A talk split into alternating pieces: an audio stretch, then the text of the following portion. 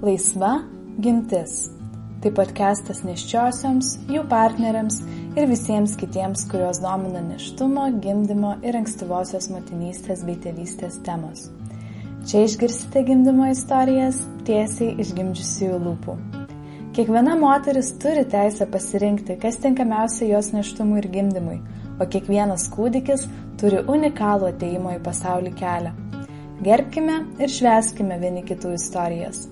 Podcastą vedu aš, Greta, laisvos gimties kurėja. Malonaus klausimo. Sveiki, aš Greta, tai antrasis laisvos gimties podcast'o įrašas ir šiandien kalbinsiu labai man svarbę moterį, Simoną. Ir gal visai simboliška, kad visai neseniai minėjom um, neišnešiotukų dieną ir Simona man pasakos savo neišnešiotukės istoriją. Lūknė pasaulį išvydo gerokai anksčiau e, negu Simona ir Audrus laukia, tai 33 savaičių ir to priežastis buvo reta neščiųjų lyga preeklemsija, apie kurią Simona mums šiek tiek daugiau papasakos. Tai galbūt e, po truputėlį įeinant į tą istoriją, lengva nata, gali šiek tiek papasakoti apie save, Simona. Labas visiems, kurie klausot. Tai iki tampant mama, aš iš tiesų visai daug dirbau dirbau su renginiais. Daugiausiai pastaruosius metus dirbau Lietuvos nacionaliniam operos ir baleto teatre. O dabar esu tiesiog pilnu etatu mama ir kažkaip tapus mama, iš tiesų susidaro įspūdis, kad prieš tai visa tai, kas buvo, kad tarsi net ir nebuvo.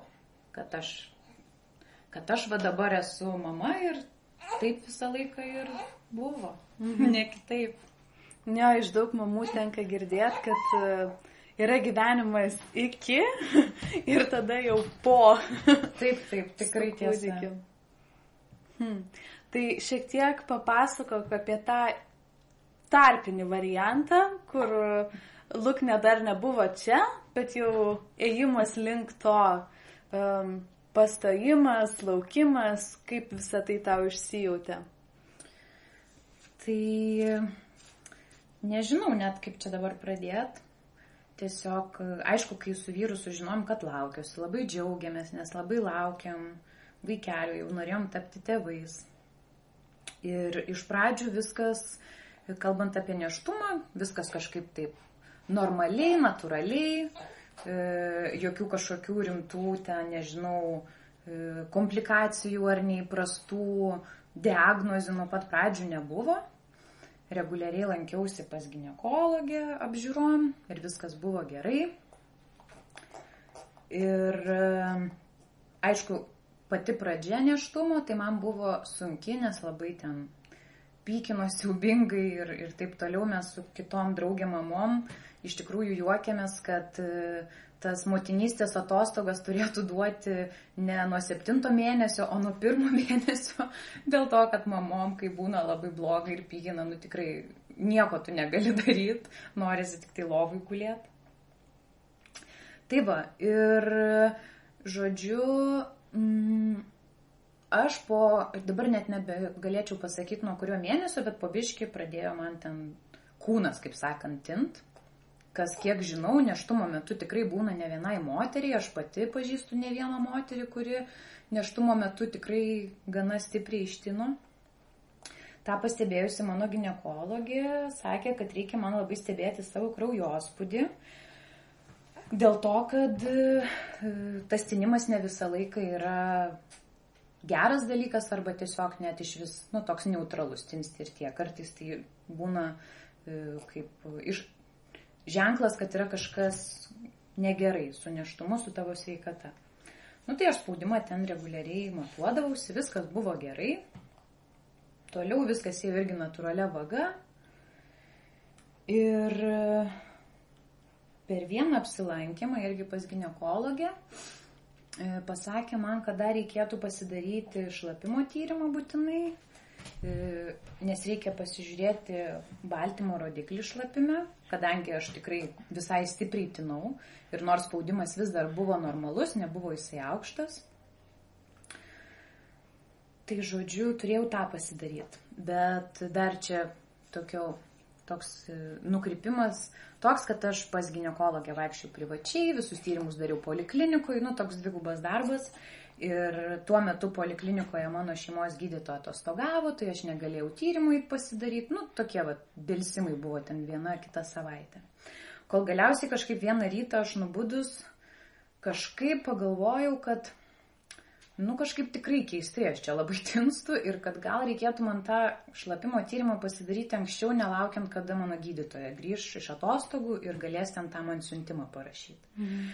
Aš tiesiog tą pačią dieną pasiskambinau vieną privačią ten kliniką, kur atlieka už pinigus tą tyrimą, nuvažiavau, pridaviau viską ir man sakė, kad tos dienos e, vakare turėčiau gauti atsakymą elektroniniu paštu.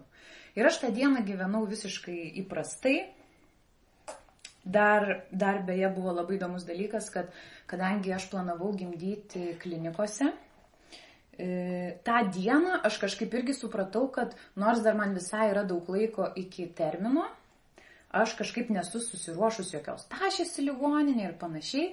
Ir galvoju, nu, šiandien yra turbūt ta diena, kai būtų galima važiuoti, nusipirkti ten kažkokių dalykų, kokių dar man ten trūksta ir per savaitgalį susikrauti lagaminus, tašes ir būti pasiruošus, mm. jeigu ką. Tai visą dieną, va taip dar su draugė po biški po parduotuvės pasivaikščiodama, grįžau namo ir aš apie penktą vakaro gavau elektroninį laišką su tyrimo atsakymais. Ten buvo lentelė su skaičiais ir aišku, tie skaičiai man nelabai ką sako, dėl to, kad ten ne, ne, nėra pakomentuoti tie skaičiai. Pradėjau, pradėjau googlint, ką reiškia, jeigu baltymas šlapime yra 5. Nes aš nežinau, ar čia yra gerai, ar čia blogai, čia normalus rodiklis ar kaip. Ir nors buvo labai sunku rasti aiškiai aprašytą e, informaciją, kažkaip man pradėjo kilti tarimas, kad gal čia, gal čia kažkas ir nelabai gerai. Ir nusprendžiau pasiskambinti savo gynekologijai. Bet aišku, penktadienio vakaras jau po darbo valandų Kai paskambinau gydytojai, jinai sako, paprašė, kad persiuščiau irgi jai elektroniniu paštu uh, tuos tyrimų rezultatus ir dar irgi kas iš pradžių tokį nerimą sukėlė, kad jinai paklausė, sako, o kas parašyta prie baltymo, sakau, penki. Ir jos reakcija buvo tokia, penki? ir aš sakau, taip, o tai čia blogai. Ir jinai tada taip nu tai tu man atsiūsk, aš pasižiūrėsiu, gal tu kažką ten netaip supratai ir taip toliau. Mm. Nu tai jinai man žodžiu perskambino visai greitai ir labai ramiu balsu pasakė susikrauti tašį ir važiuoti santariškės, kad dar kartą man pakartotų tyrimą, nes galbūt laboratorijų suklydo, gal kažkas netaip. Bet kad, nu, reikėtų vis tiek medikų mm. apžiūros ir išsamesnių tyrimų, dėl, kaip pati gydytoja mano sakė gynekologė, na, dėl viso ko. Nors paskui, kaip supratau, jinai tiesiog matyt nenorėjo sukelt man panikos ir, mhm. ir tiesiog taip labai ramiai kalbėjo. Tai aš jo susikroviau tą tašę maždaug vienai nakčiai, nu, savaitgaliu, nes kadangi penktadienio vakaras pagalvojau, jeigu mane ten paguldys tyrimam, turbūt per savaitgalį palaikys, nu ir pirmadienį aš grįšiu namo. Nuvykusi priimamai, aišku, darbėje nepamirškim, jog tai yra rūpiučio mėno, yra karantinas visur ir taip toliau. Nuvykus tenai mano vyro net ne, nu, neįleidau į vidų. Aš užėjau viena. E, pirmas dalykas, ką man padarė, e, priėmė gydytojai, pamatavo kraujospūdį, kuris buvo 174 ant 140 kažkelių, nu žodžiu, kosminiai skaičiai. Ir aš labai nustebau dėl to, kad aš jaučiausi visiškai normaliai, mano įprastai spaudimas yra pažemintas ir aš buvau įsitikinus, kad jeigu mano spaudimas bus aukštas, aš tikrai jausiu, aš visiškai to nejaučiau. E, gydytoja pagalvojusi, kad galbūt aš čia iš jaudulio labai susinervinau ir tas spaudimas toks aukštas, patarė kokias 10 minučių palisėti, atsipūst, nusiraminti ir dar kartą man matavo, spaudimas nebuvo mažesnis.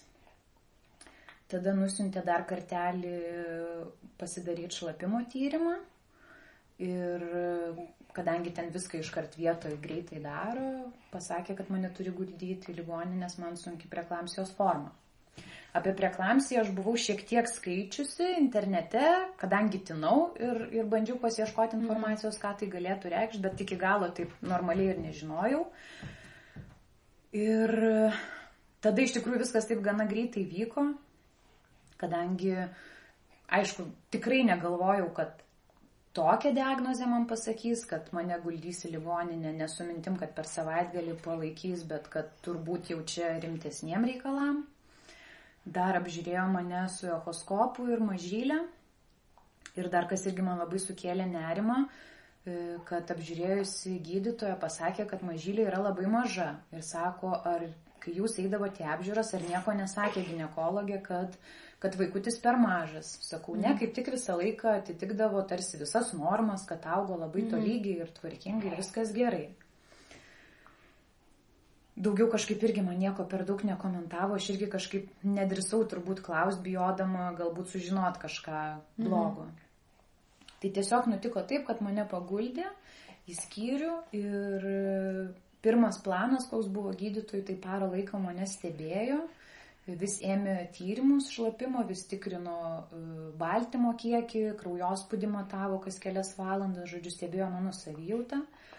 Po paros, e, e, ne, aš meluoju, dar tą patį vakarą man, kai pakartojo baltymo tyrimą, pasakė, kad jo yra jau net 15 tų vienetų, mm. kas yra, kaip suprantu, iš vis labai, labai daug ir sakė, kad tikrai manęs niekur dabar jau nebeišleidžia namo, aš lieku ligoniniai ir man tarsi davė suprasti, kad dabar tik tai laiko klausimas, kada aš gimdysiu. Ar maždaug va šią naktį, ar dar pavyks ten kažkiek dienų palaukti, išlaukti, kad, kad mažylė kuo ilgiau išbūtų negimusi. Nes gydytojų tikslas tarsi buvo kuo ilgiau ją išlaikyti mano iščiose, kad tai kuo būtų vyresnė, stipresnė, labiau išsivyščiusi. Tai galiausiai, taip, tai buvo penktadienis, aha, tai sekmadienį nuo ryto man pradėjo skatinti gimdymą dėl to, kad tyrimų rezultatai negerėjo, jie tik prastėjo. Ir preklamsija yra tokia diagnozė, kaip, kaip gydytoja gerai pasakė, kad vienintelis vaistas nuo preklamsijos tai yra gimdymas. Mhm. Preklamsija sukelia neštumas ir, ir pasveik nuo jos galima pagimdžius. Kitas yra dalykas, kad e, progresuojant preklamsijai kyla pavojus ne tik mamos gyvybei, bet ir vaikelio, dėl to, kad sutrinka kraujotaka gimdoje ir gali sutrikti kraujotaka virkštelėje, kas tada jau tikrai kelia didelį pavojų kūdikiu. Mhm. Tai... Aš dar norėčiau tada mhm. kažkaip trumpai įsiterpti. Gerai, gerai. Ta preklamsija atrodo tokia kartais uh, mistinė diagnozė. Atrodo, mhm. kad labai sunku iš tikrųjų rasti informacijos kažkokios konkrečios, kodėl ir kaip jinai atsiranda, kodėl vienos moterys uh, tą preklamsiją kažkaip išvysto, kitos ne.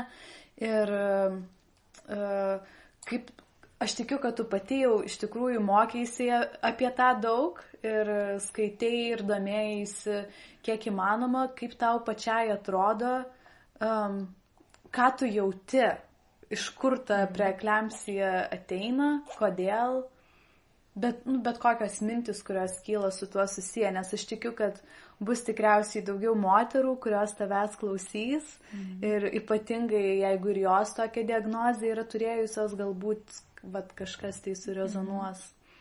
Jo, labai įdomu iš tiesų dėl to, kad net ir medikai dėl preklamsijos, jie, nu, kaip pasakyti, jie negali vardinti priežasties, kodėl e, moteris susirga preklamsija, mhm. kodėl jinai nutinka, dėl to, kad tai yra begalė įvairių priežasčių ir labai sunku išskirti kažkokią vieną ar kelias. Bet aš kažkaip jau iš tiesų net po lūknės gimimo, kai vis galvodavau, kas galėjo daryti įtaką, nes galvojau ir galbūt mytyba mano, galbūt mano kažkokie įpročiai, gal kad aš per mažai judėjau, gal kad per daug judėjau. Mhm. Bet galiausiai, vat, kaip tu sakai, vat, ką aš taip išjaučiau, koks pirmas dalykas man šauna į galvą, tai man kažkodėl atrodo, kad aš tiesiog persitemdavau kai kuriom dienom. Mhm. Nes kartais būdavo taip, kad tiesiog aš namie esu, būty kažką čia darausi. Ir kažkaip toks jausmas aš nepastebėdavau, kada aš jau pasiekdavau tą ribą, kai man reikia sustot. Ir aš pajausdavau nuovargį tada, kai aš jau būdavau tokia pavargus, kai aš, mhm. aš tiesiog krizdavau į lovą ir iš karto užmigdavau, nes aš ne, nu, nebegalėdavau nei pait, nei kažką daryti, mhm. tiesiog aš atsijungdavau. Nebuvo daug tokių kartų, mhm. šiek tiek jų tik tai buvo, bet man atrodo, kad galbūt tai galėjo turėti įtakos. Mhm. Ne, kaip pasakyti, taip atrodo man. Nežinau, ar tai yra tiesa. Jo, galbūt teko tą girdėti irgi kitų moterų pasakojimuose. Atrodo, ta yra tendencija tokia, kad dažniausiai netostogavo. jo, jo, nors atrodo kažkaip tikrai, atrodo ir saugojau save, mm.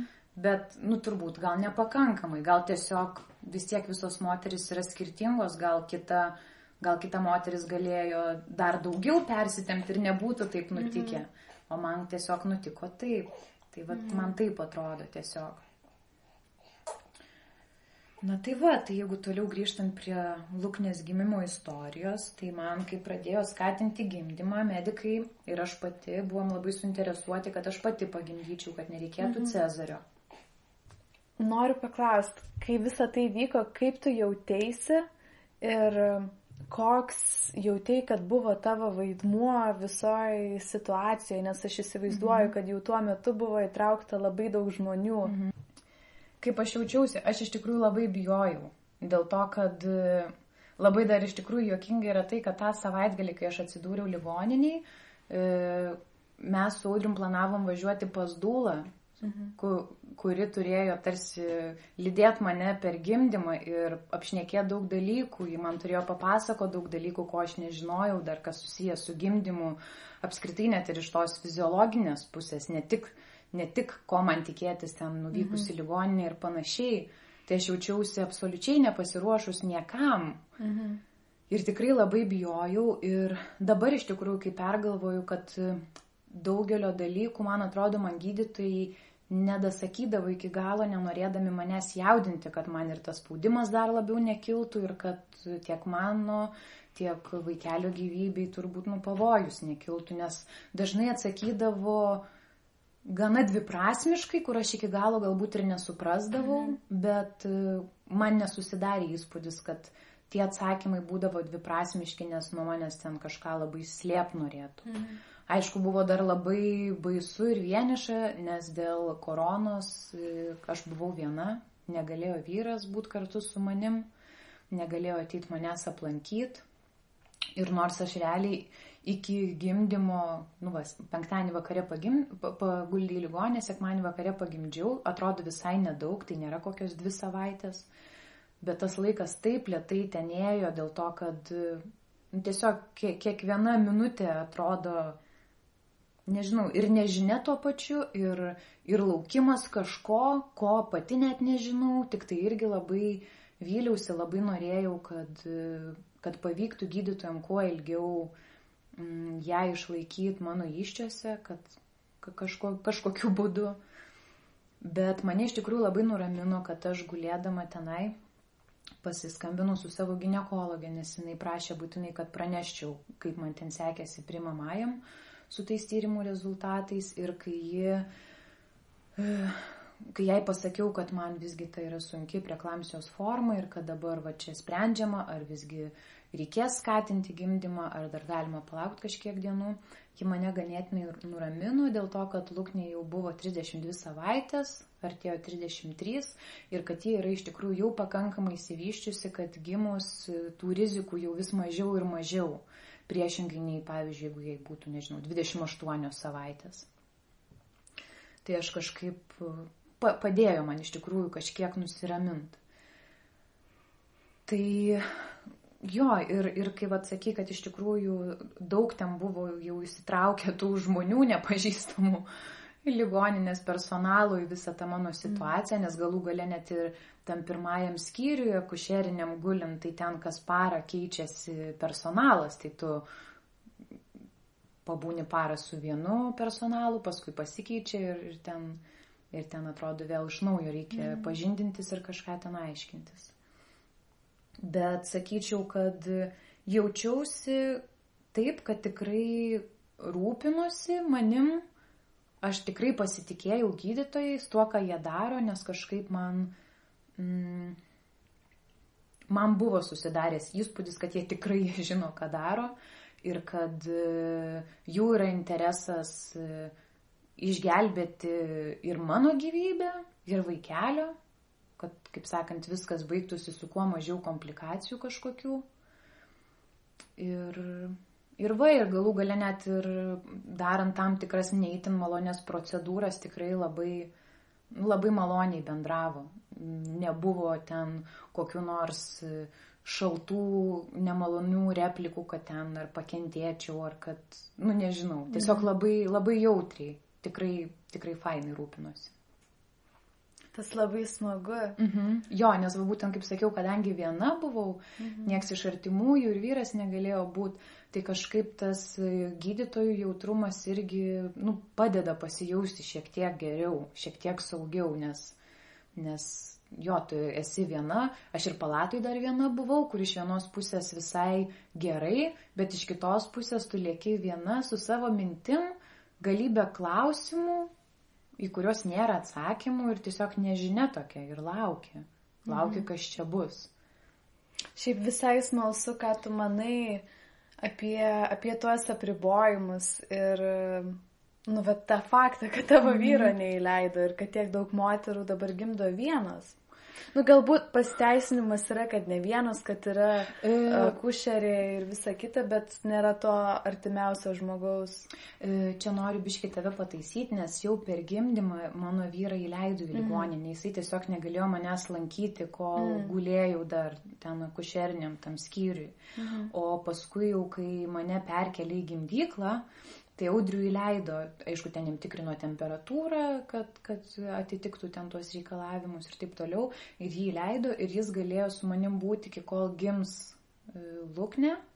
Ir paskui jau jo nebeleido. Mhm. Jeigu, e, jeigu tai būtų paprastas gimdymas, ne kažkoks sudėtingesnis, tada vyras gali likti ir po gimdymo, tiesiog jis negali išeiti iš mhm. gimdyklos, jis ir lieka ten tom 3-4 dienom ar kiek ten mama su vaikučiu lieka.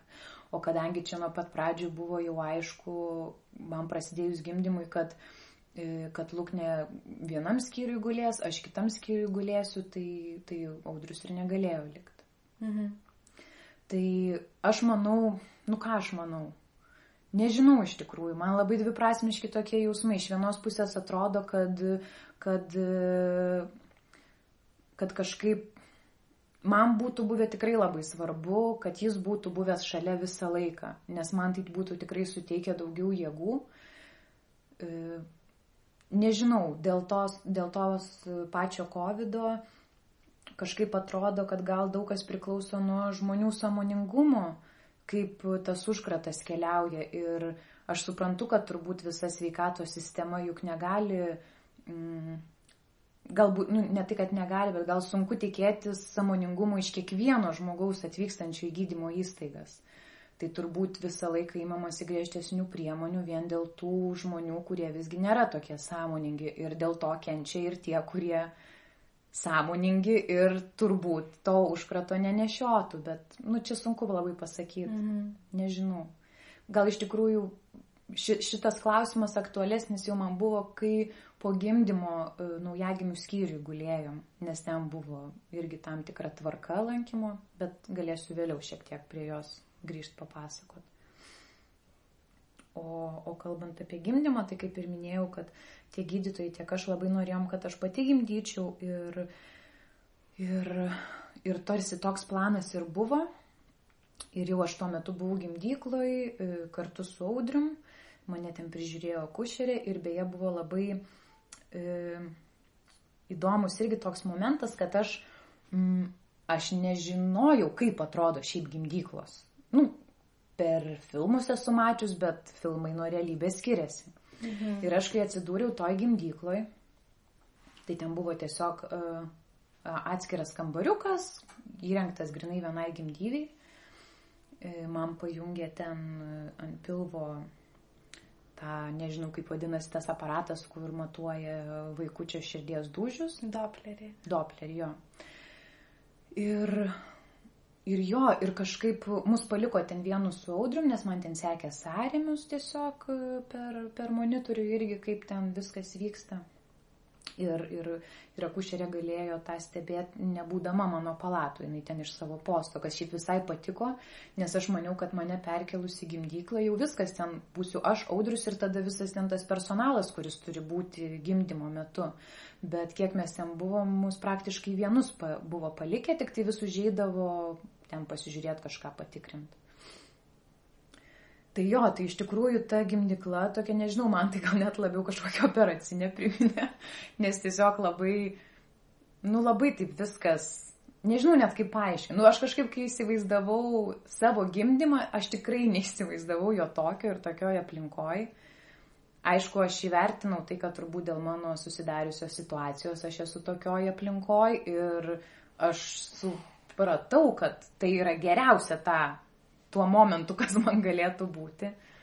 Bet jo, truputėlį buvo toksai, kur, kur šmėstelėjo galvoje, kad va, iš tikrųjų kaip, kaip viskas įdomiai būna, kad planuoji tu vienaip, tikiesi vienų dalykų ir tada nutinka toks radikaliai visiškai kita, nei tu norėjai, ar, ar tikėjai, ar vylėsi. Tai va, ir tada žodžiu, uh, akušerė bestebėdama e, vaikučio širdies ritmą kažkaip vis dažniau pradėjo vaikščiot pas mane į tą palatą ir kažkaip vis, nu, aš tarsi supratau iš jos kažkokių komentarų ar veiksmų, kad galbūt kažkas ne taip, bet nesupratau, kas. Aš iš pradžių galvau, kad gal man vis tas dopleris kažkaip nuo pilvo nuslenka, kažkur nukrenta. O pasirodo, kad ten buvo mm, tiesiog e, vaikučio širdies ritmas sutrikęs. Ir dar irgi buvo labai toksai, gal net dabar, kai pagalvoju, irgi šiek tiek juokingas momentas, kai vienu metu pas mus į palatą užėjo, nežinau, ten seselė turbūt kažkokia, ir atnešė uh, popierius, padavė juos audriui ir sako, uh, Sako, čia pasiskaitykite, jeigu nutiktų taip, kad staiga reikėtų atlikti Cezaro pjūvį, kadangi, sako, jūsų žmonai vis tiek nėra tipinė situacija, čia gali taip nutikti bet kada, tai jūs tiesiog pasiskaitykite, kad būtumėt pasiruošę, nes tada jau laiko susipažinimui su procedūrom mhm. nebebus. Ir manaudrius viską perskaitė ir toks jausmas, kad turbūt jie už durų stovėjo, nes manaudrius tik perskaitė ir jie užėjo ir jie pasakė, kad reikia vežti operacinį ir skubiai daryti Cezarį. Tai irgi toks jausmas dabar, kai pagalvojus, kad irgi toks jausmas nenorėdami jaudint, kad va, čia jau reikia staigiai vež dabar skaitykit, kas čia bus, kokios procedūros, kad tarsi irgi taip apžaidė tą situaciją. Tai aš kaip pagalvoju, gal irgi nu, visai taip visai gražiai atsižvel, atsižvelgia į mano tą mhm. visą psichologinę emocinę būseną. Bet tada jau kai pasakė, kad, kad reikės vežt, e, aš labai kažkaip išsigandau, nes aš kažkaip tada gal iki galo suvokiau, kad tikrai tai yra kažkas, kažkas rimta, nes dar paminėjo, kad širdelės ritmas sutrikęs, aš dar labiau išsigandau. E, nebesupratau, kaip čia dabar bus, tai audrius čia, kur jisai bus, jeigu mane į operacinę veža, tai aišku, kad jo operaciniai neleis laikyti, tai aš dabar viskas, jau, jau jo nebegalėsiu pamatyti, nu, visų tų dalykų. Bet, e, bet paaiškėjo, nu, kažkaip ten staigiai mums pasakė, kad audrius, e, kol mane operuos, galės palaukti ir paskui dar po operacijos galėsim susitikti. Tai irgi mane labai staigiai ir atėjo tas anesteziologas, ten porą klausimų uždavė dėl tos nejautros. E, staigiai nuvežiau operacinį ir viskas labai greitai. Man suleido tos nuskusminamuosius, kur nuo, nuo pusės, kaip sakant, nejutau savo, mhm. savo viso kūno. Ir, ir labai iš tikrųjų toks įdomus irgi dalykas, ta operacija Cezario. Nes tu girdi viską, kas vyksta operaciniai ir net e, gydytojų kažkokie tarpusavio pasišnekėjimai, tu gal, galbūt aš negaliu visko suprasti, kai jie kalba mediciniais terminais, bet tu girdi tembrą balso, toną, nuotaiką ir tu gali suprasti, ar čia yra kažkas rimto, kažkas netaip vyksta, ar, ar, kažka, ar, ar visgi viskas gerai. Ir tas iš tikrųjų labai buvo baisu. Ir kai pradėjo man daryti operaciją, vienu metu buvo, kad, kad vis kažkaip ten gydytojai kalbėjo, kad, kad labai daug kraujuoja ir čia nieko nemato, kad negali to kraujo, iš kur čia to kraujo tiek daug, tai dėl to aišku iškart pradėjau nerimaut. O tada iš tikrųjų, kai, kai irgi tarsi bandžiau suvokti, kad, nu, bet kurią akimirką gims ji, bet kurią akimirką, tai aš gulėjau užsimerkus, ašaros bėga.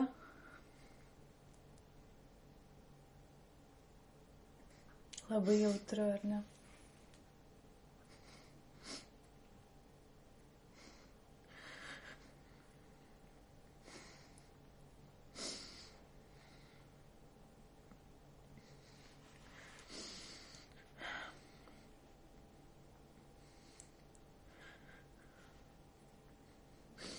Ir vis meldžiausi, kad tik tai jinai verktų, kad tik tai verktų.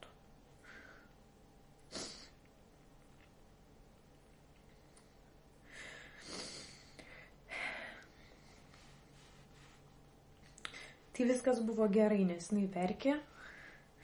Labai labai prislopintų tokiu balseliu, taip atrodo iš kažkur taip toli, toli, taip tyliai labai. Bet labai kažkaip nudžiugau dėl to iš karto kažkaip pasidarė ramiau ir toks jausmas, kad visa ta įtampa tarsi nuėmė. Tai tada atsimenu, kad labai drebėt net visą pradėjau, bet kažkaip ten liktais dar ir gydyt, nu, anesteziologas sakė, kad čia nuo tos nejautros būna toks kaip šalutinis poveikis. Ir tada tada, kai man, kai, kai man jau turėjo susiūti visą, visą tą pjūvį, tai irgi ten buvo gydytojų komentarai, kad kažkaip labai kraujuoja ir kad ne, negali normaliai irgi matyti, kur užsiūt, nes labai daug kraujo. Bet tą akimirką aš kažkaip jau nebelabai gal pergyvenau dėl tų komentarų, nes aš kažkaip tik tai galvojau, kad svarbiausia, kad, kad lūknė gimė, kad jinai verkė ir tai yra jau ženklas, kad, kad jau gerai. Mhm. Ir tada mane visai greitai užsiuvę pervežė į tą operacinę ir po operacinę tokią kaip palatą ir audrių iškart įleido. Dėl ko aš žiauriai apsidžiaugiau, nes aš kažkaip iš pradžių nežinojau, kad jį leis. Aš maniau, kad aš vėliau kažkada galėsiu jį pamatyti, o jį iškart įleido. Tai man toksai buvo, nu, visiškai prašviesėjimas netakyse. Ir Audrius pasakė, kad jam parodė per langą labai trumpai, nes jisai stovėjo kažkaip, Žodžiu, buvo operacinė, tada kita e, palata, kažkokia ne palata, kaip kambarys, kur pernešė lūknę tik gimusią, ten ją apžiūrėti visą ir, ir sutvarkyti. Ir, ir ten pajungti prie visų tų aparatų. Ir ta erdvė turėjo langą ir va taudrius už to lango buvo, tai jisai pamatė ten porą sekundžių ją labai trumpai, jam parodė. Tai tada jo sakė man, jisai kokia jinai graži ir nuostabi, bet labai mažytė. Man irgi pasakė po, po man, aš dabar iš tikrųjų biški man painiojosi eiliškumas, kada kas buvo, bet man atrodo, kad tada atėjo man ir pasakė, kiek, kiek jinai sveria ir koks ūgis. O gal net ir audrius pasakė, aš dabar bijau sumeluot. Bet aš nu, jau žinojau tada, kad jinai mažulytė gimė kilogramų 600. Toj po operaciniai aš pabuvau gal kokią valandėlę, ten leido pabūti su audrium. E, ja žinojau, kad išvežė į reanimaciją ir, ir mane tada jau atsisveikinus su audrium perkelė į skyrių, nežinau kaip vadinasi tas skyrius. Ten atėjo gydytoja vyriausia, kuri tą vakarą būdėjo ir kuri ne jį operaciją darė man, bet prižiūrėjo jinai tą operaciją ir man jinai papasakojo visas detalės, pasakė, kad lūknės širdelės ritmas buvo sutrikęs dėl to, kad jie buvo virkštelė du kartus aplinką klapsiviniojus, tai e, kaip pasakė, kad sako, tikrai gerą sprendimą priemėm skubiai daryti Cezarį, nes labai jau buvo nu, sudėtinga tokia situacija ir grėsė jos gyvybei pavojus.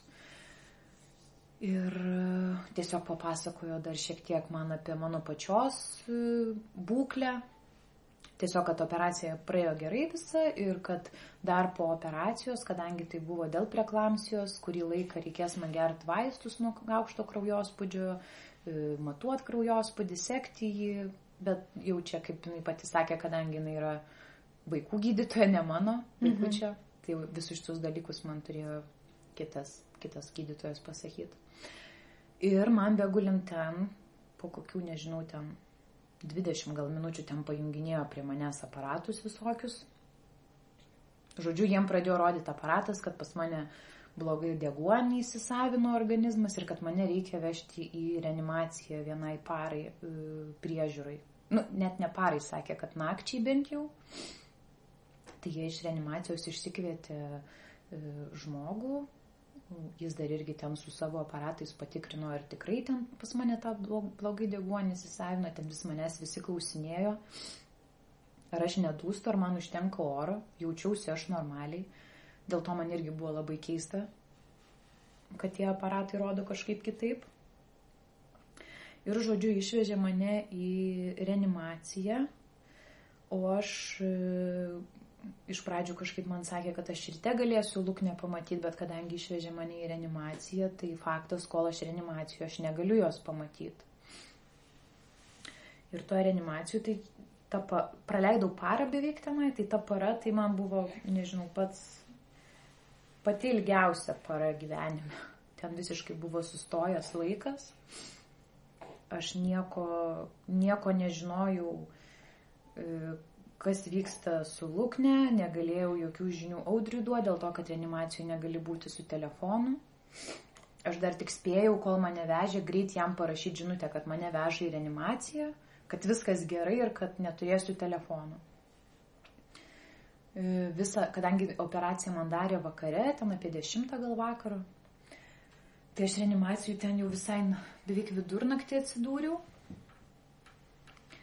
Tai ta, ta naktis, aš nežinau, aš ten, nežinau, kas kiek laiko vis pabūsdavau, nes labai norėjau atsigerti, labai norėjau žinoti, kiek valandų. Kai matydavau, kad pro mane praeina seselė, vis bandydavau klausti, tai paskui supratau, kad aš turbūt klausinėjau ten kas 10 minučių, kiek valandų. Nes aš vis prisnūsdavau ir pabudus nežinodavau, kiek laiko praeina. Ir vis labai labai laukiau ryto, nes galvojau ryte, tada bus galima prašyti, kad kažkas paskambintų į naujagimių skyrių ir išsiaiškintų, kaip mano dukrytė. Bet labai labai ilgai naktis tai ėjo ir aš kas kartą, kai užsnūsdavau, aš visą laiką sapnuodavau, kad aš einu aplankyti lūknės ir aš nueinu, bet aš nematau sapne jos veido, nes aš jos dar nebuvau mačius. Ir nežinau, kaip atrodo.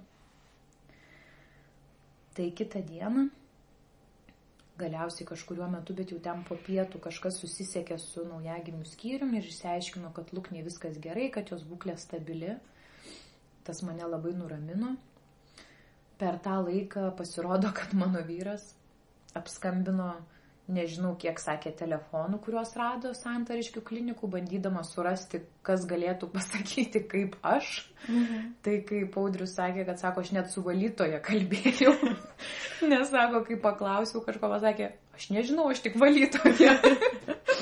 Bet galiausiai prisiskambino į reanimaciją, nes man irgi kažkas atėjo pasakė, kad sako, jūsų vyras skambino, teiravosi kaip jūs, tai pasakėm, kad viskas gerai.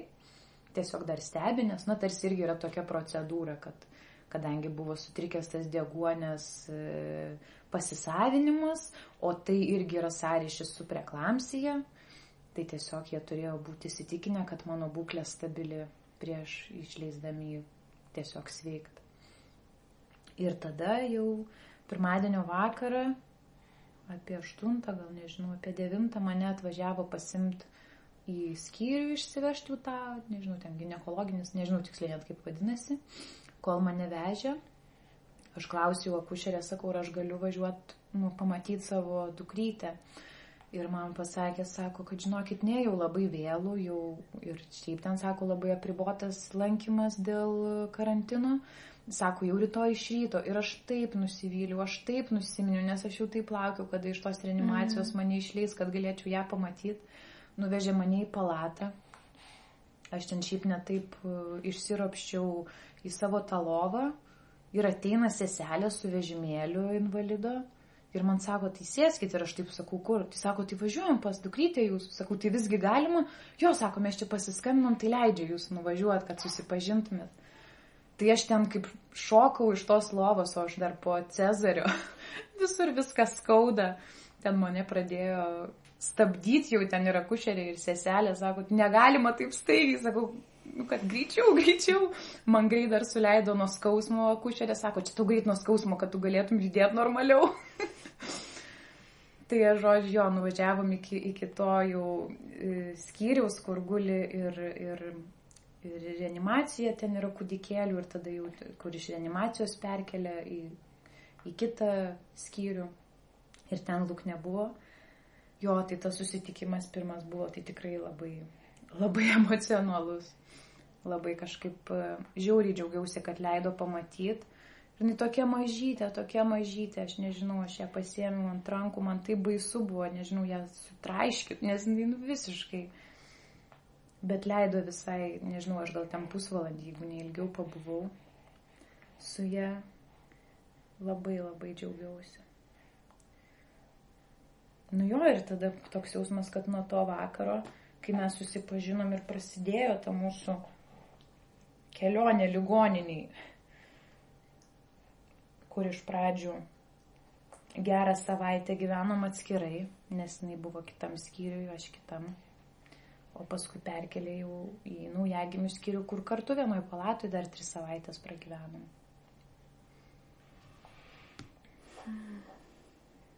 Tai va. Nežinau, ką dar pasakyti, dar ką nors sakyti, ar tu dar ką nors paklausi? Aš dar norėčiau paklausti. Aš šiaip iš karto noriu uždėkoti, nes tai yra taip jautru ir aš jaučiu, kad kai aš klausau, man viskas viduje dreba ir mm. kartais per kūną perbėga širpuliukai, tai aš, um, aš tik įsivaizduoju, kad tau tai kainuoja visai energijos, uh, bet tuo pačiu man atrodo svarbu, kad tavo istorija būtų išgirsta. Mhm.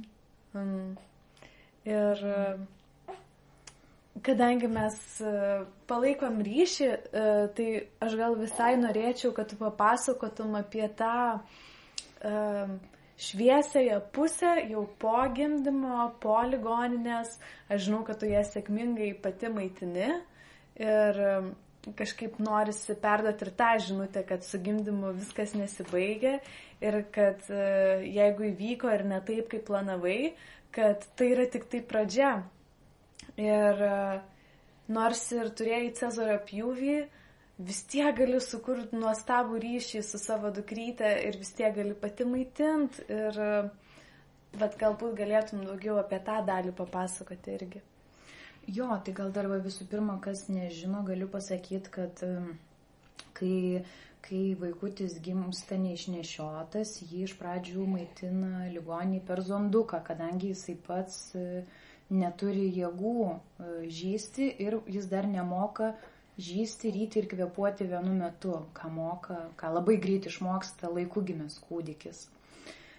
Tai ir lūknė iš pradžių buvo maitinama per zonduką. Tai reiškia, iš pradžių jį buvo tas e, tokia kaip šlangelė tuščia vidurė, per burnytę įkišta į skrandį.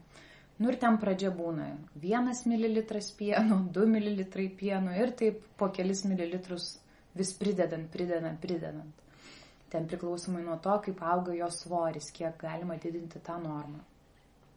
Kai mes su Lukne jau kartu apsigyvenom naujagimių skyriuje, tada jau zondukas buvo kišamas jai per e, nosytę, dėl to, kad e, tarsi jau atsidūrus ten, tu gali po biški bandyti e, vaikučiui duoti krūtį, kad pratintųsi ir taip toliau. Dėl to tas zondukas atsiduria nosytį. Bet ir toliau vyksta maitinimas per zonduką, vis po mililitrų kažkiek, kas 3 valandas, reguliariai visą parą. Ir aš dar kai laukiausi, aš tikrai žinojau, kad labai labai norėčiau savo vaikutį maitinti pati, žindit. Mano čia buvo tokia svajonė. Ir aš kažkaip, kai atsidūriau ligoninį, vad su Lukne, ir ta, tas maitinimas toks visai buvo, apie kokį aš net nežinojau, kad yra tie zondukai visokie ir panašiai. Kažkaip tas noras pas mane dar sustiprėjo labiau. Aš labai laukiau, kada, kada, aš, kada aš galėsiu kaip pasakyti, vis bandyti ją žindi dėl to, kad kai jinai dar visai mažulytė, jos ir pervarginti nesinori, nes, nes kadangi, nu, kaip pasakyti, jinai anksčiau laiko gimė, tai jinai nu, kaip aš sakiau, visiškai tokia kosmonautė, jinai tik tai valgo ir miega ir, ir, ir labai tą išorinį pasaulį mažai tos reakcijos yra. Dėl to, kad jinai dar labai tokia gležnutė vis, tai nesinorėjo kažkaip ir pertemti jos kažkaip, nespausti jos pačios. Tai E, tenai ligoniniai buvo e, ergoterapeutė, kuri mamas konsultuodavo žindimo klausimais. Ir jinai ten karts nuo karto užeidavo tai pas vieną, tai pas kitą mamą, aišku, ją būdavo galima ir pasikviesti. Ir jinai ten padėdavo, kaip pasakyti, pasimokyti, kaip žindyti, kaip taisyklingai prisidėti vaikutį ir prie krūties, kaip duot, ar, ar teisingai apžioja, ar neteisingai. Bet kažkaip ligoniniai visai sunkiai mums sekėsi tiek tiek aš pati jaučiau, kad aš kažką netaip darau ir mačiau, kad ir lūkniai neišeina. E, bemaitinant zondukų vaikutį, suėjus ten tam, tiksliau atėjus tam tikram laikui, jau galima pradėti vaikutį maitinti iš buteliuko, kas yra irgi labai didelis pasiekimas dėl to, kad tie zondukai tai man taip baisiai irgi atrodydavo, nes uh, kas kelias dienas reikia keisti tą zonduką, tai vis tiek vis ten per nusytę iki skrandžio kiršti tas plasmasinės žarnelės, nu tikrai ne pati maloniausia procedūra vaikučiui, bet to reikia visą laiką būti suvyščius ją, kad jinai surankytėm neišsitrauktų to zonduko, nu krūva žodžių reikalų, tiesiog žymiai patogiau būti be jo. Mhm. Tai jau visos mamos laukdavo, kada bus galima pereiti prie buteliuko, kad nebereiktų zonduko, nes tai irgi yra jau toks kaip pasiekimas, nes vaikutis tada jau reiškia, jam išeina ryt pačiam ir kvepuot, ir, ir, ir tą čiauptuką traukt buteliuko. Tai jau pradėjus duoti buteliuką, tada aš dar intensyviau pradėjau bandyti jį duoti krūti, bet vis tiek nesėkmingai. Ir kadangi dar labai svarbu buvo stebėti jo svorio augimą, tai e, kaip pasakyti, nelabai buvo būnant, gali, būnant ligoniniai, nebuvo galimybės tiesiog e, nuspręsti nebeduoti buteliuko ir duoti tik tai krūtį. Tada nebent reikėtų galbūt prie zondo grįžti, kad ją damaitint, kiek jinai nedavalgo. Nu, žodžiu, ten daug visokių tokių reikalų. Ir kai, žodžiu, mus išleido namo, tai aš gal, jau dabar pameluot, bet gal kokias dvi beveik savaitės, gal mažiau. Mes taip ir gyvenom tokiu ligoninės ritmu, kad aš kas tris valandas ją maitindavau, nusitraukiu pieną, o beje, man pientraukiai iš krūtų pieno netraukia, tai aš visą laiką tą darydavau su rankom, o pieno pas mane labai daug buvo. Ir tas labai labai vargindavo, nes su, su rankom nusitraukiu pieną, tada aš ją pamaitinu. Tiksliau, prieš, nusitrau, e, prieš nusitraukiant pieną bandau jai duoti krūti kažkiek, žaidžiam, kad vis tiek mokintųsi, tada aš jau nusitraukiu pieną ir tada duodu už buteliuko pavalgyti. O kadangi nusitraukimas dar užtrunka, tai ir kas tris valandas reikia ją maitinti, tai aš turbūt kas pusantros valandos turėdavau vis kartotas mhm. procedūras. Tas labai labai vargino. Ir tiesiog labai aiškiai supratau, būdama namie, kad nu tikrai reikia kažkaip baigti su tuo buteliuku, reikia pereiti prie krūties, nes čia nepatinka man taip. Ir aš matau, kad, kad jai tikrai būtų geriau krūti tik tai žyst. Ir tada man atrodo, kad tiesiog gal mano užsispyrimas padėjo, nes man atrodo taip ir yra su tuo maitinimu iš krūties. Jeigu tu tikrai labai nori, tai tau ir pavyksta. Jeigu tu kažkaip pradedi savim dvėjot arba patingėt, tai gal tada ir pienas blogiau gaminasi, gal tada ir vaikučių netaip sekasi. Aišku, sunku gal komentuoti, aš čia vis tiek kalbu tik iš savo pusės, aš tikiu, kad kiekvienai moteriai skirtingai yra. Bet tiesiog ką aš padariau, aš vieną rytą atsikėlus nusprendžiau visiškai nutraukti jai buteliuką. Aš pati išsirengiau iki pusės nuogai, ją palikau irgi tik tai su sauskelnium ir mes parą laiko praleidom dviese lovui Aš ir sauskelnėse įkeičiau lovą, aš pati tik tai, kad iki tualeto nubėgdavau, vyras su muštiniu atneždavo į lovą, niekur aš nesitraukiau, daviau jai krūti, žysti tiek dažnai, kiek ji norėjo ir taip ilgai, kaip ji norėjo. Aišku, kadangi ji dar gerai to nemokėjo daryti, tai, tai visai tas užtruko.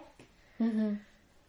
Bet e, tiesiog po tos paros sekiau jo svorį, kad jisai auktų, kad nekristų žiūrėjau, kad jinai išlapintųsi, tuštintųsi gerai ir man tai buvo ženklas, kad jinai išmoko valgyti. Mhm.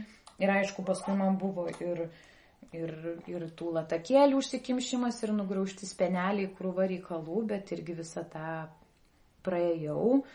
Ir Luknė irgi viską išmoko daryti ir aš išmokau ir, ir sėkmingai, sėkmingai žinau. Mhm. Dėl ko labai labai džiaugiuosi. Man tą nuostabu labai girdėt, net nesinori vadinti metodų, bet tas išsirengimas ir gulėjimas mhm. su kūdikiu man visada atrodo kaip um, vienintelis būdas, kaip iš tikrųjų sutvarkyti žindimo mhm. problemas. Mhm. Visas, Taip. nesvarbu, ar išnešiotas, ar neišnešiotas taip. kūdikis būna, sako, kad trūksta pieno, tai taip, tai čia taip, tas taip. senas, tai kai maitini, pienas gaminasi. Mhm. Taip, taip. tai čia labai puikus pavyzdys, kur atrodo tiek daug buvo visokių trukdžių ir taip, taip, tiek taip. užsivedė tas jo, jo, jo. varikliukas. Jo. Taip, va. Hmm. O čia yra tokia didžiulė tema, tavo istorija talpina tiek daug įvairiausių detalių ir visokių dalykų ir aš nežinau, kiek mes jau čia laiko šnekam, turbūt, kad labai ilgai. Reikės iškarpyti. Tai, galbūt, jo, gal, nu nežinau, ar mes karpysim ar mhm. nekarpysim. Um, gal kadangi nežinau, kiek daug man dar pavyks pakalbinti moterų, kurios gimdė neišnešiotus kūdikius.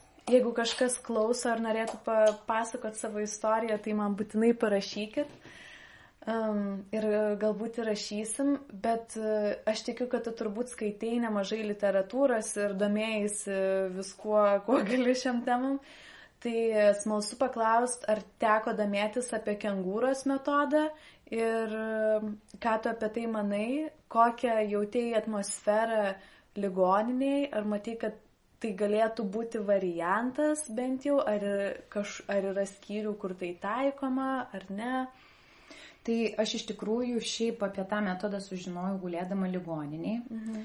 Ir iš tiesų, bent jau santariškėse, tiek iš pradžių, kur gulėjom pirmą savaitę, kur, kur vaikučiai atskirai ir paskui naujagimių skyrių, absoliučiai visi medikai, visos slaugės, visos seselės, jos sako, kad reikia kenguruoti ir labai labai ragina mamas, kurios to nedaro. Mhm. Tai tas iš tikrųjų man gal, mane gal šiek tiek net nustebino, nes aš kažkaip sužinojus apie tą kenguravimo metodą, labiau gal įsivaizdavau, kad čia vat, labiau gal kokios dūlos ar pribuvėjos siūlytų tokį dalyką, mhm. bet ne ligoniniai. Bet kalbant būtent apie neišnešiotukus, tai kad ir koks mažutis vaikutis gimsta, visi mhm. medikai mhm. sako, kad būtent kenguravimas priduoda labai labai daug stiprybės vaikučiui, mhm. jisai greičiau sveiksta, greičiau stiprėja, žinoma, pieno gamybai mamai padeda. Žodžiu, yra abipusė labai didelė nauda ir net visur ten pilna nuotraukų skyriuose kabo, e, kaip tiek mamos, tiek tėčiai mhm. išsinuoginę su irgi apnuogintais e, vaikučiais prisiglaudę ir tiesiog būna. Mhm. Aš tik tai, kad iš tikrųjų pati ligoniniai nepasakyčiau, kad aš labai daug aš ją laikydavau, bet aš neišrengdavau jos arba savęs mhm. neišrengdavau, nes aš kažkaip, e, nežinau, man visai ką būdavo baisu, kad, kad neperpustų jos, nu toksai, nes jinai tokia mažytė. Ir nors ten šilta būdavo toj palatui, bet kažkaip, nu, va toksai irgi kažkoks barjeras. Bet kelis kartus kenguravau, bet paskui namo grįžus gerokai daugiau tą dariau ir audrius daug kartų tą darė. Ir iki šiol iš tikrųjų vis dar tą darom, nes nes jai... Ir dabar mažytė ant tavęs. taip, taip, dabar tai su, suvystyta visiškai sterbliai. Nes kažkaip aš matau, kad jinai iš tikrųjų tai yra būdas net ir vaikutį nuraminti. Mhm. Jo, šiaip iš tikrųjų labai teigiamai buvau nustebinta būtent, kad ligoniniai siūlo šitą dalyką. Ir beje, Išeinant iš ligoninės aš teiravausi dėl vaikiostės, ar naudot ją, nes kažkaip truputėlį bijojau, galvojau, jinai tokia mažytė, vis mhm. dar tokia nesustiprėjus, gal čia pavojinga iš tikrųjų ir taip toliau. Tai gydytojai sakė, kad e, drąsiai galiu naudot ir netgi rekomenduoja, ypač neišnešiotukam, dėl to, kad jie tada jaučiasi kaip mamos gimdoj, suvystyti, jiems šilta, mhm. gera ir, ir tiesiog daryti drąsiai, drąsiai naudoti vaikiustę. Mhm. Gerai, ačiū tau labai. Aš tiek dar daug noriu paklausti. Tai gal ir paklausiu. Paklausiu.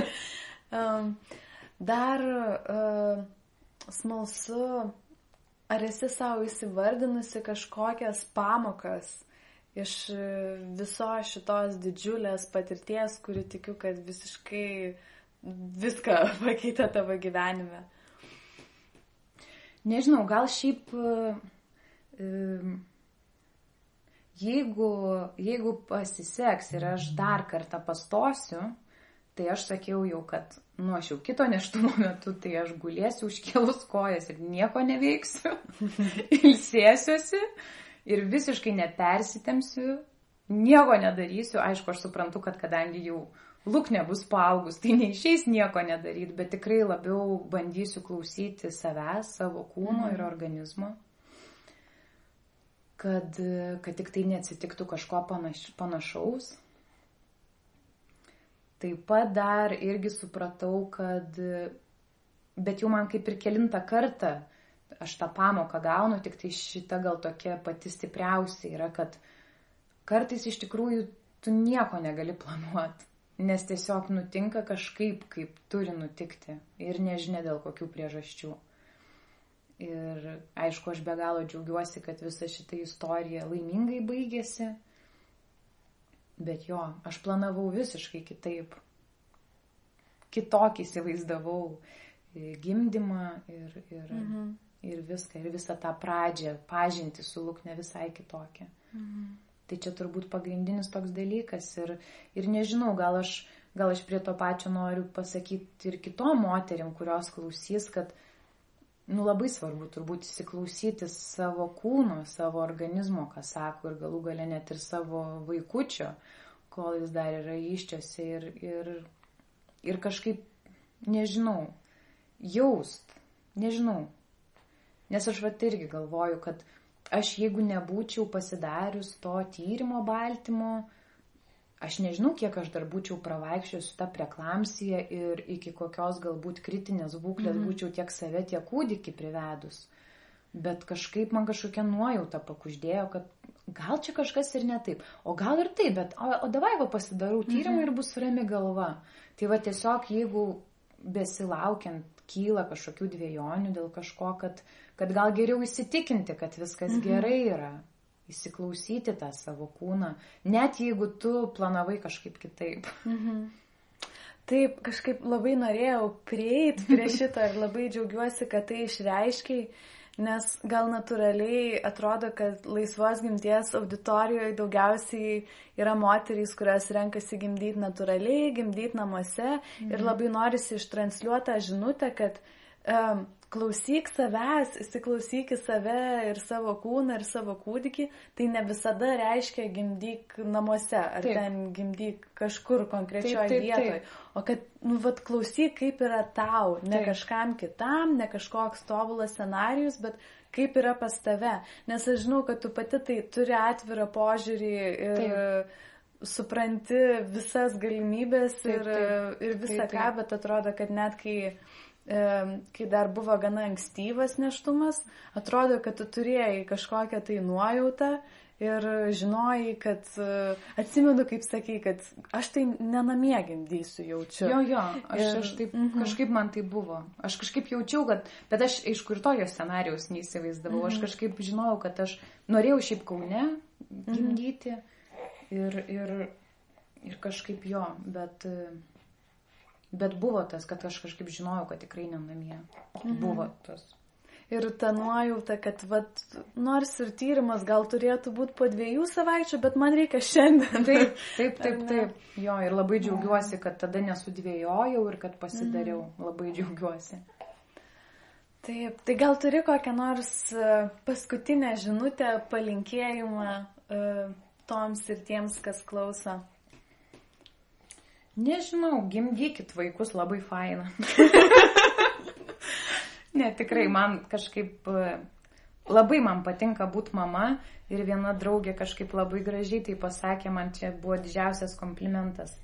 Kažkaip sako, sako, žinai, tu po gimdymo tai ir nepasikeitai. Sako, tu kažkaip ir iki gimdymo buvai mama, tik dabar jau esi tikrai mama. Mm. Tai kažkaip tikrai labai džiaugiuosi šitų etapų ir, ir kažkaip, nors tikrai būna ir sunkių dienų, ir sunkių naktų, bet e, visiškai ir verta, ir, ir nežinau, labai didelis džiaugsmas veda į priekį ir tikrai Man labai patinka būti mama. Mm, kaip gera girdėti. Ir aš visiškai sutinku. Man irgi patinka. Būna žiauriai sunku, bet vis tiek pats didžiausias įsiprasminimas, kokį kada taip, jaučiau. Taip, tikrai taip. Taip. Tai ačiū Simona. Ačiū Greta, kad pakalbinai. Visiškas malonumas ir tuo pačiu daug kitų visokių jautrių emocijų, bet tikiu, kad tikrai verta. Ir ačiū toms ir tiems, kas klauso. Ir visada laukiam atgalinę ryšio. Ir jeigu norėtumėt pasidalinti savo istoriją, tai rašykit man laisvagimtis etagmail.com. Ačiū. Norėdami pirmieji sužinoti apie naujus įrašus, prenumeruokite naujienlaiškį puslapyje laisvagimtis.lt.